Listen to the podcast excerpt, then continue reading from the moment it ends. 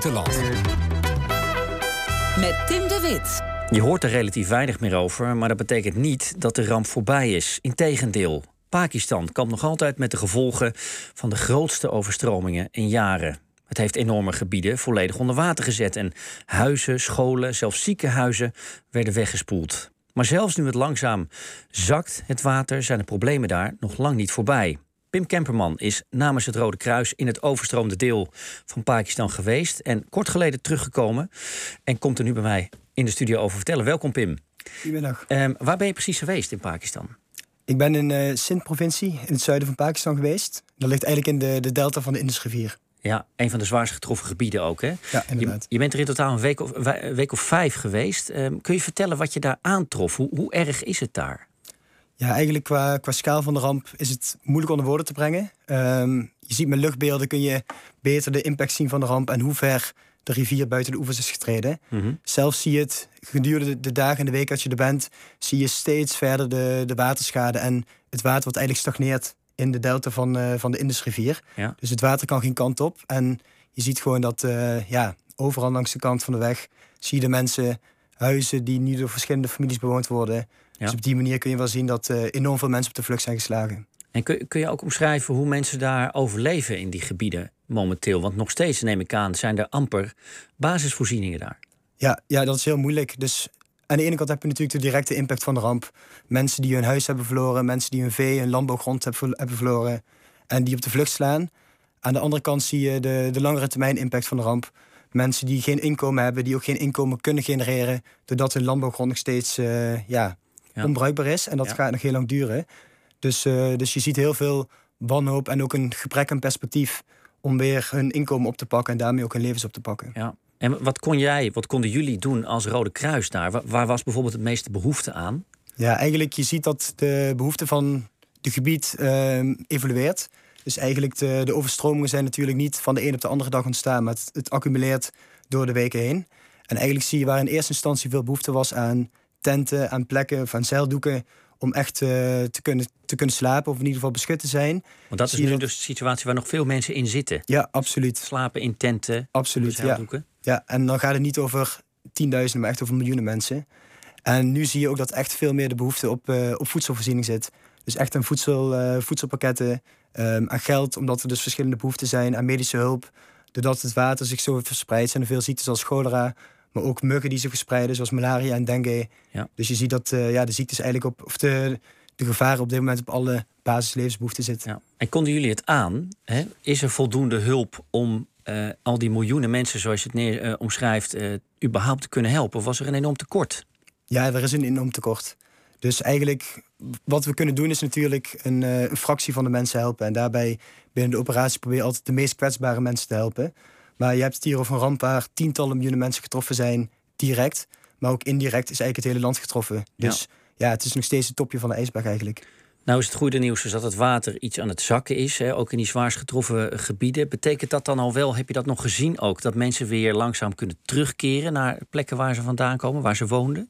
Ja, dat zie je wel inderdaad. Dus je ziet de gebieden waar het uh, water langzaam wegzakt, zie je mensen weer teruggaan. Maar mensen komen terug eigenlijk in een situatie waar niks meer is. Nee. De infrastructuur is verwoest, uh, hun huizen zijn vaak verwoest, de landbouwgronden zijn onbruikbaar. Dus je komt terug, maar ja, je, eigenlijk, waar kom je nou precies naar terug? Uh, je, komt plek naar de, je komt terug naar de geografische locatie, maar eigenlijk er is niks meer. En dat gaat gewoon heel lang duren voordat dat weer opgezet kan worden. En dan komt er ook nog een winter aan. Nou weet ik niet hoe streng die daar is. Maar ik kan me voorstellen als er dus nog heel veel mensen überhaupt niet in een huis kunnen overnachten, kunnen verblijven. Uh, maar dat buiten moeten doen, uh, dat is geen prettig vooruitzicht. Nee, absoluut. En de winters kunnen juist heel streng zijn. Dus eigenlijk, uh, ja, je kan zien in de, in, de, in de zomer kan het tussen de 40 en 50 graden worden. Dus echt enorm heet. Maar het, het slaat ook heel snel om. En nu in Sint bijvoorbeeld kan het echt richting het vriespunt gaan. En in andere gebieden in Pakistan die ook getroffen zijn, zoals meer de, de grensregio met Afghanistan, ja, daar kan het echt gaan vriezen. Dus dat vraagt ook weer hele andere uh, noodhulp dan eigenlijk de afgelopen maanden is geboden. Dus je ziet dat er een constante evolutie is eigenlijk in uh, de hulp die verleend wordt. Is het dan ergens frustrerend voor jou? Uh, je, bent er net, je komt er net vandaan, hè, dat, dat deze ramp grotendeels uit het nieuws is verdwenen. Juist dus nu, op een moment, zoals je het nu ook omschrijft, dat er nog heel veel hulp nodig is. Ja, absoluut. En dat is natuurlijk een lastige qua impact van de ramp en qua schaal van de ramp is eigenlijk relatief weinig aandacht voor. Ehm, het gaat echt om, om ruim 30 miljoen mensen die getroffen zijn door de overstromingen. Ja. Maar tegelijkertijd zie je natuurlijk dat er veel andere thema's internationaal spelen. En daardoor ook de aandacht voor een ramp als in Pakistan uh, ja, relatief beperkt is. Ja, dan, dan is het er even, hè, zodra die overstromingen er zijn. En dan vervolgens hebt het weer weg. En hebben we het veel meer over onderwerpen als Oekraïne en dergelijke. Ja, en dat is natuurlijk de, de focus ligt dan vooral op de directe impact van de ramp. Maar eigenlijk de lange termijn consequenties en echt uh, de impact die het gaat hebben op Pakistan en de regio. Voor ja, niet de komende twee, drie maanden, maar echt voor de komende 12, 24 of langer. Ja, dat, uh, dat, dat vervalt eigenlijk in het nieuws op een gegeven moment. Ja, um, neem ons als je, ik zou willen proberen nog eens mee naar dat gebied. Want je zegt dus inderdaad, veel mensen zijn van de landbouw afhankelijk. Betekent dat inderdaad dat er verder ook heel weinig is waar mensen überhaupt van leven? Uh, of, of inkomen vandaan halen? Ja, het verschil is heel erg in Pakistan. Dus echt specifiek in het gebied waar wij zaten, dus in, uh, in Sindh. Het ligt dus in de, de delta. Dus daarom is er veel water aanwezig. Dus er is heel veel landbouw. Dus specifiek in dat gebied zie je gewoon dat veel mensen afhankelijk zijn van de landbouw. En, en dat is eigenlijk de sector. En die grond is natuurlijk volledig onbruikbaar. Precies. En dat gaat echt uh, maanden duren voordat het überhaupt weer uh, bruikbaar zou kunnen zijn. Dus je ziet dat de directe oogst is eigenlijk verloren. Maar ook de komende, het plantseizoen is eigenlijk ook al verloren nu.